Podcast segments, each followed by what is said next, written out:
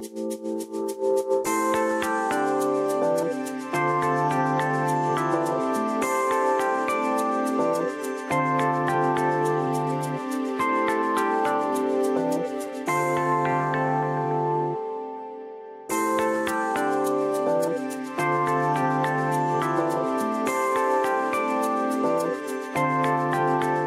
Nach einer wenig längeren Wartezeit ist es nun endlich soweit. Die erste Ausgabe der deutschsprachigen Studentenzeitschrift 207.de erschien im Dezember. Und nun heißen wir in der Redaktion der Deutschen Minuten zwei Journalisten der Redaktion der Zeitschrift willkommen. 207.de. Was mag wohl hinter der mysteriösen Zahl stecken? Nur Germanistikstudenten kennen die Antwort. Es handelt sich dabei um die Raumnummer der Seminarbibliothek des Instituts für Germanistik, in der unter anderem die Idee dieser Zeitschrift ihren Ursprung hat. Die äh, grundlegende Idee hatte unsere Professorin, die Nikolina Sobenica. Äh, und äh, weil unsere, unser Jahrgang sehr äh, aktiv ist und sehr offen für äh, solche Ideen ist. Äh, also wir haben auch eine Theatergruppe, wie du schon, wie du schon weißt. Äh, und sie hat einmal uns äh, einige äh, Leute von unserem vierten, damals, damals noch dritten Jahrgang aufgesucht und halt uns die Idee vorgeschlagen. Und wir waren alle an Bord mit den Gedanken im Hinterkopf, einen Beitrag zur deutschen Kultur in der Vojvodina zu leisten und ihr eigenes journalistisches Können unter Beweis zu stellen und weiterzuentwickeln, machte sich die Studentenredaktion ans Werk. Das Resultat? Abwechslungsreiche Themen für alle auf insgesamt 47 Seiten. Eigentlich gesagt habe ich schon im Gymnasium vor dem Studium etwas äh, wie ähm, Journalismus gemacht. Wir hatten auch dort eine Zeitschrift, äh, aber die, das, die zwei kann man eigentlich nicht so vergleichen. Also das im Gymnasium, das war ja so hobbymäßig und äh, ja nicht so streng genommen, aber hier an der Fakultät haben wir trotzdem versucht, etwas ja ernsteres auf den Tisch zu bringen. Ich habe mir das irgendwie so ziemlich einfach vorgestellt, natürlich, nur etwas schreiben und ja, das wird publiziert und es geht so. Aber natürlich war das nicht so einfach. Also ich hatte schon eine, eigentlich hatte ich eine Seminararbeit, die ich bearbeiten musste, äh, vieles, äh, also auswählen, was interessant ist, was nicht so interessant ist. Ich meine, eine Seminararbeit und ein Zeit, äh, Zeitschriftartikel ist wirklich nicht das ja. Gleiche. Aber ja, und dann habe ich auch ein paar Rückmeldungen von den Professorinnen, also von der Literaturprofessorin und von unserer Lektorin bekommen, dass, ähm, ja, was man besser machen könnte, was nicht. Und ja, am Ende war es dann trotzdem okay, am Ende hat es trotzdem geklappt mit dem Artikel. Was Themenbereiche angeht, also wir haben uns äh, geeinigt, dass wir drei äh, fixe Themenbereiche haben werden, immer in jeder Ausgabe. Und das ist Linguistik, also sprachwissenschaftliche Themen, dann äh, literaturwissenschaftliche Themen und äh, halt etwas, das mit dem, äh, was mit unserem Institut zu tun hat. Ja. Und wie ist äh, die erste Ausgabe der Zeitschrift äh, bei den Studenten und bei den anderen Lesern angekommen? Ja, wir haben sehr positive Rückmeldungen bekommen für, den erste, für die erste Nummer. Äh, alle haben gesagt, dass die Themen ziemlich interessant waren. Es waren sehr verschiedene Themen, also jeder hatte etwas für seinen Geschmack. Also die Zeitschrift ist nicht nur für Studenten gedacht, sondern auch für jede beliebige Person, die hm. Deutsch kann und die interessiert ist an Deutsch, an deutscher Kultur ja, und so weiter. Auf jeden Fall. Also es ist eine Zeitschrift von Studenten, für Studenten, aber auch für jeden Deutschliebhaber. Was für eine Unterstützung habt ihr vom Lehrerpersonal teilweise des Instituts für Germanistik bekommen? Ah, äh, also unsere Lehrer und Assistenten sind auch sehr, sehr, sehr hilfreich, weil sie äh, uns sehr unterstützen und zwar in der Form, also in der ersten Ausgabe hatten wir äh, einige Probleme damit, dass wir nicht genügend Stoff hatten, ja. genügend Texte hatten. Und das war unser größter Problem. Und äh, dann hatten wir die Idee, also mit den Lehrern und mit den Assistenten zu sprechen, äh, um ihre Hilfe zu bitten. Also wenn Sie zum Beispiel ein, ein, äh, eine gute Seminararbeit lesen oder einen guten Aufsatz bekommen oder einen guten, einen guten Referat äh, anhören, also dass Sie es ruhig unserer äh, Redaktion empfehlen können. Was die Zukunft der Zeitschrift angeht, ist das Team von 207.de nach wie vor hoch motiviert. Die Grobplanung der nächsten Nummer ist schon im Gange und es gibt auch einige Ideen, wie man frischen Wind in die Redaktion bringen könnte. Was äh, eigentlich das Team angeht, ja, auf jeden Fall. Wir haben darüber nachgedacht, dass es nicht nur äh, Germanistik-Studenten sein könnten, sondern auch zum Beispiel Schüler aus Gymnasien, also hier in äh, Novi Sad, aber auch generell in Serbien, lernt man in vielen Schulen, also als, zwei, äh, als ja, eigentlich Fremdsprache Deutsch. Also es gäbe viel Raum dafür, was auch für die Schüler eine sehr gute Gelegenheit sein könnte, also so ohne Pressure ja. eigentlich äh, etwas zu schreiben, womit sie auch ihre Sprachkenntnisse erweitern können. Wir planen jetzt für den Frühling eigentlich die neue Nummer, Frühling, Sommer, so ungefähr für, die, für eigentlich für dieses Semester. Ähm, ja, was die Themen angeht, wir möchten viel mehr auch Linguistik sehen, zum Beispiel viel mehr Kultur, viel mehr von dem Leben der Studenten. Das wäre zum Beispiel auch interessant, auch für die Personen, die Germanistik studieren möchten und nur darüber nachdenken. Das wäre auch ziemlich interessant, aber wir, lassen wir überlassen es eigentlich den Autoren. Also hier sind wir ziemlich frei.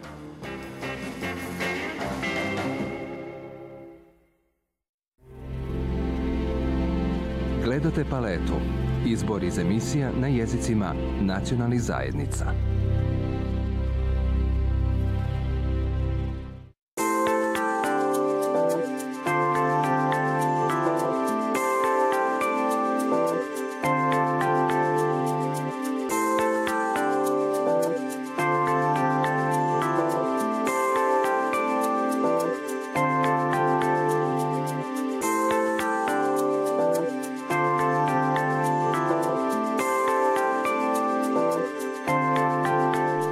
Heute in Subotica. Diese kleine Stadt in der Vojvodina hat seit 2012 einen deutschen Verein. Dieser heißt Maria Theresiopolis und wir sind bei dem Verein zu Besuch heute. Hier mit mir ist die Vorsitzende des Vereins, Frau Cornelia Doboweigner. Frau Cornelia, guten Tag. Herzlich willkommen bei uns. Äh, können Sie uns zuerst sagen, wie wurde der Verein damals gegründet? Unser Verein war gegründet in 2013 und in 2012 war der Hohe Regenbogen zuerst gegründet. So die äh, separatiert sich von einem anderen Verein. Und die Frauen waren sehr, sehr engagiert und wollten weitere Projekte machen, allein und natürlich mit äh, Unterstützung von Stadt und autonomen Provinz Vojvodina. Und sie hatten Lust, weiter zu arbeiten und deshalb haben sie gedacht, dass es wohl eine gute Idee sein, einen Verein zu gründen. Und dann haben sie das gemacht.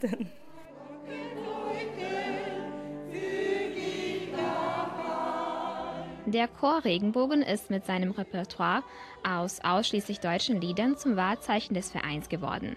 Er ist ein fester Bestandteil seines kulturellen Programms.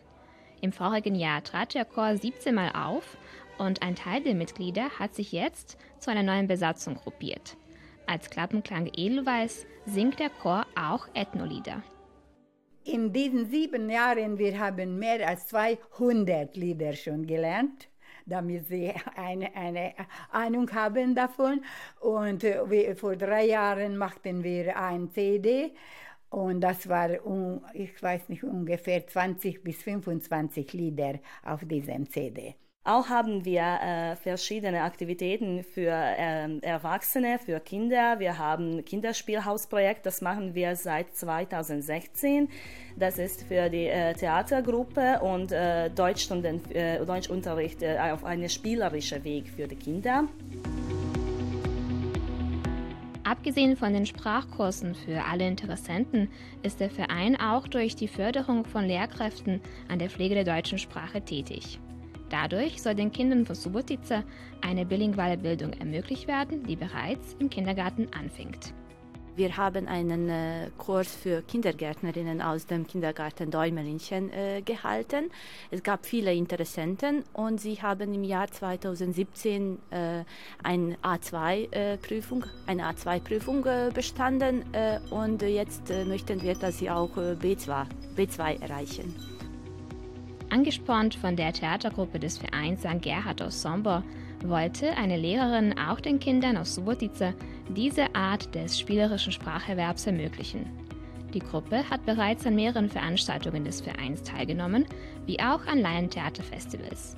Und dann ich habe gesehen, dass sie haben eine Theatergruppe und ich habe nach Subotica hier äh, gegangen und dann habe ich gesagt, ob die Kinder wollen hier auch eine äh, Theatergruppe zu haben und sie haben ja ja und ich habe auch eine äh, Tochter und sie hat gesagt, Mami, mache mir eine Gruppe, ich möchte Hase werden. Und die anderen Kinder sagen, ich werde der böse Wolf.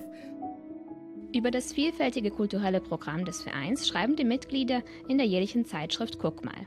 Beim Durchblättern der neuesten Nummer konnten wir sehen, dass der Verein mit seinen Aktivitäten zu der kulturellen Vielfalt, für die Subotica bekannt ist, einen wichtigen Beitrag leistet. Wir nahmen teil an den Stadttag Subotica, an den Erntefesten äh, äh, in Tavankut, in Subotica. Dann machen wir die heiligen äh, Messen in Baimok oder hier in der Stadt auch. Äh, aber das sind die deutsche Messe.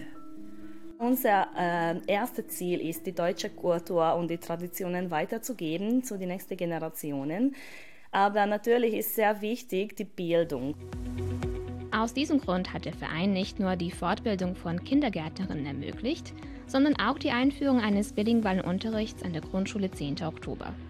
Außerdem arbeitet der Verein mit dem Gymnasium Kostolani Deje zusammen, wo Schüler dank eines intensiven Fremdsprachunterrichts ein hohes Sprachniveau erreichen können.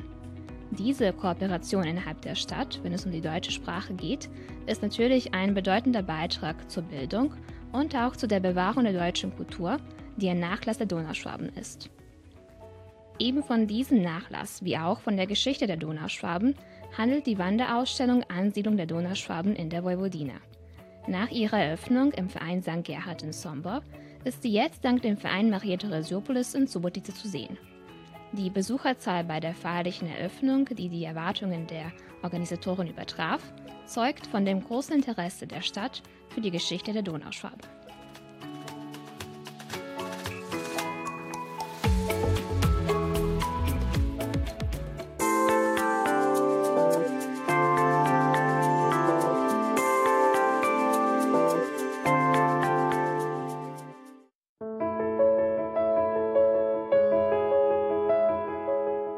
Im August letzten Jahres wurden die Räumlichkeiten des Vereins Haus Regina in Großbetschgerek feierlich eingeweiht.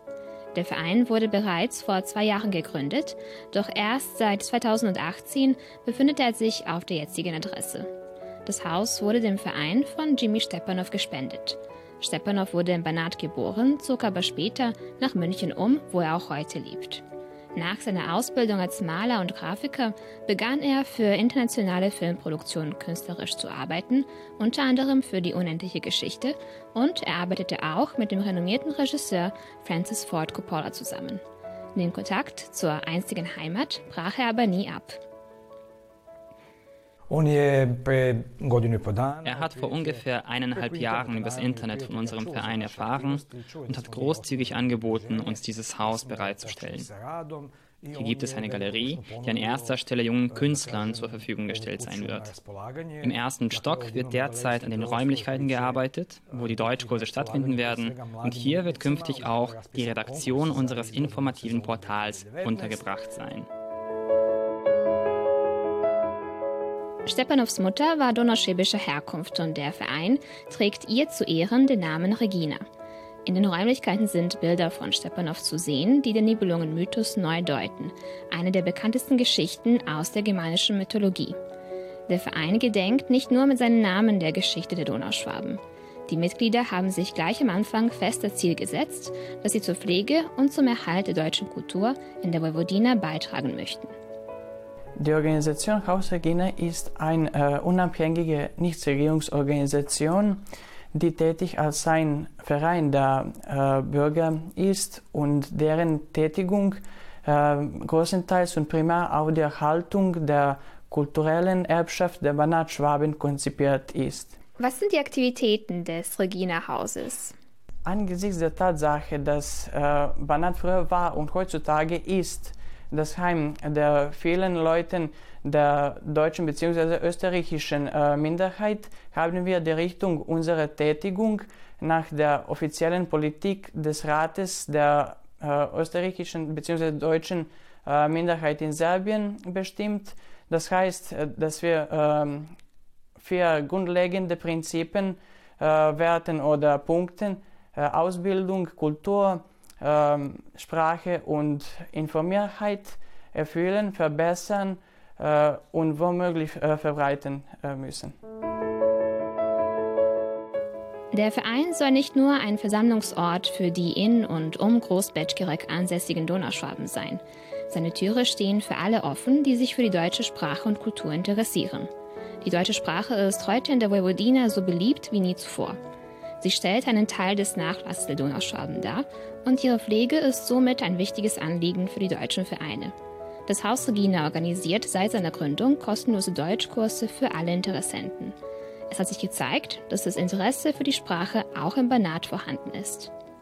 Welche Sprachkurse werden hier im Verein organisiert?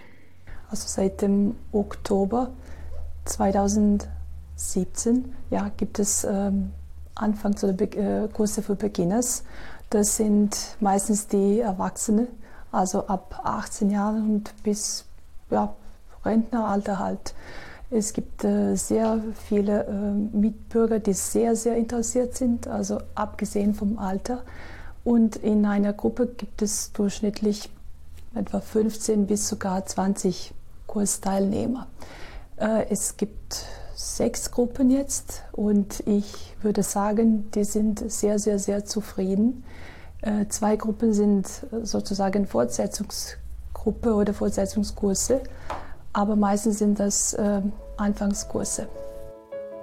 Mit seinen Aktivitäten will der Verein nicht nur das Kulturerbe der Donauschwaben ehren, sondern auch an die Zukunft denken.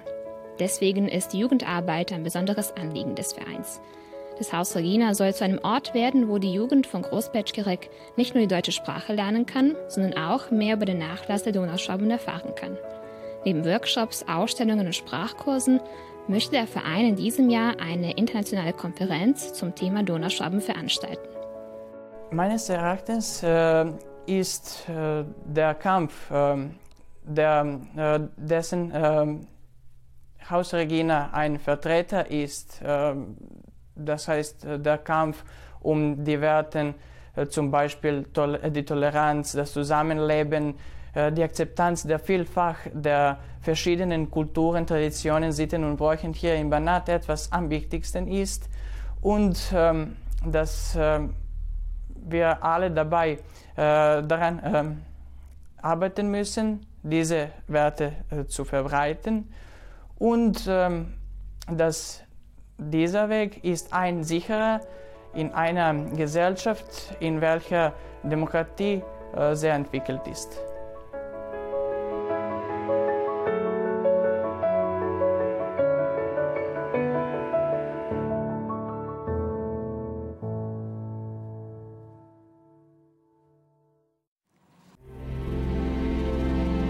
Gledate paletu.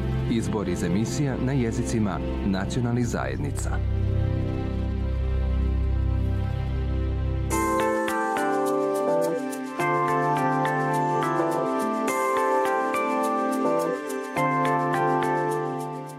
Liebe Zuschauerinnen und Zuschauer, wir sind hier in Besdan zu Besuch bei Jujana und Herbert Thyssen.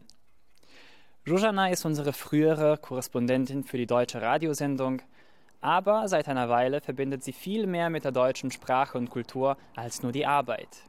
Denn seit letzten Sommer ist sie mit Herbert verheiratet, einem Deutschen. Sie sind ein Beispiel dafür, dass die Liebe weder sprachliche noch Altersgrenzen kennt. Wir sind hier, um zu erfahren, wie das Schicksal die beiden zusammengeführt hat.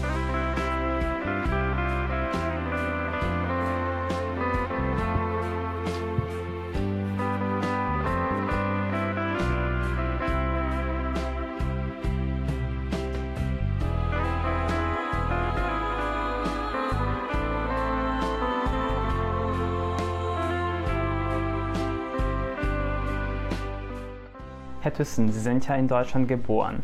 Ähm, sagen Sie, Wann sind Sie nach Serbien gekommen und aus welchem Grund und wie fühlen Sie sich hier?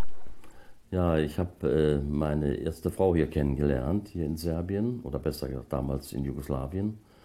Und, äh, und dadurch habe ich die Gegend hier kennengelernt. Und äh, ich fühle mich hier sehr wohl, muss ich sagen. Also ich habe die Gegend kennengelernt hier und ich fühle mich hier speziell, also in der Vojvodina, sehr wohl.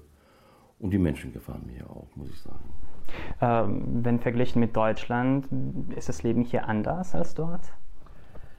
Ja, auf jeden Fall. Das ist ein ganz anderes Leben hier im Grunde genommen. Die Menschen sind, äh, ich möchte mal sagen, etwas ruhiger, gelassener, nehmen nicht alles so ernst und äh, Manchmal ist es auch störend, weil komme ich heute nicht, komme ich morgen. Und wenn man Termine macht, äh, wir haben das jetzt auch vor kurzem erst wieder gesehen, man macht Termine und dann nimmt man einen Termin, der auf 3 Uhr bestellt wird und dann kommt derjenige erst um 5 oder aber man muss sich daran gewöhnen. Wenn man sich daran gewöhnt hat, dann nimmt man das halt viel gelassener und bleibt etwas ruhiger dabei.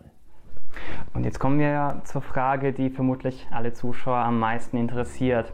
Äh, wie haben Sie sich kennengelernt? Ja, das ist auch ganz interessant. Wir, ich hatte äh, hier eine Frau, die mir ab und zu mal sauber gemacht hat und äh, das nicht den Haushalt geführt hat, aber mal für äh, Gartenarbeiten und für solche Arbeiten da war.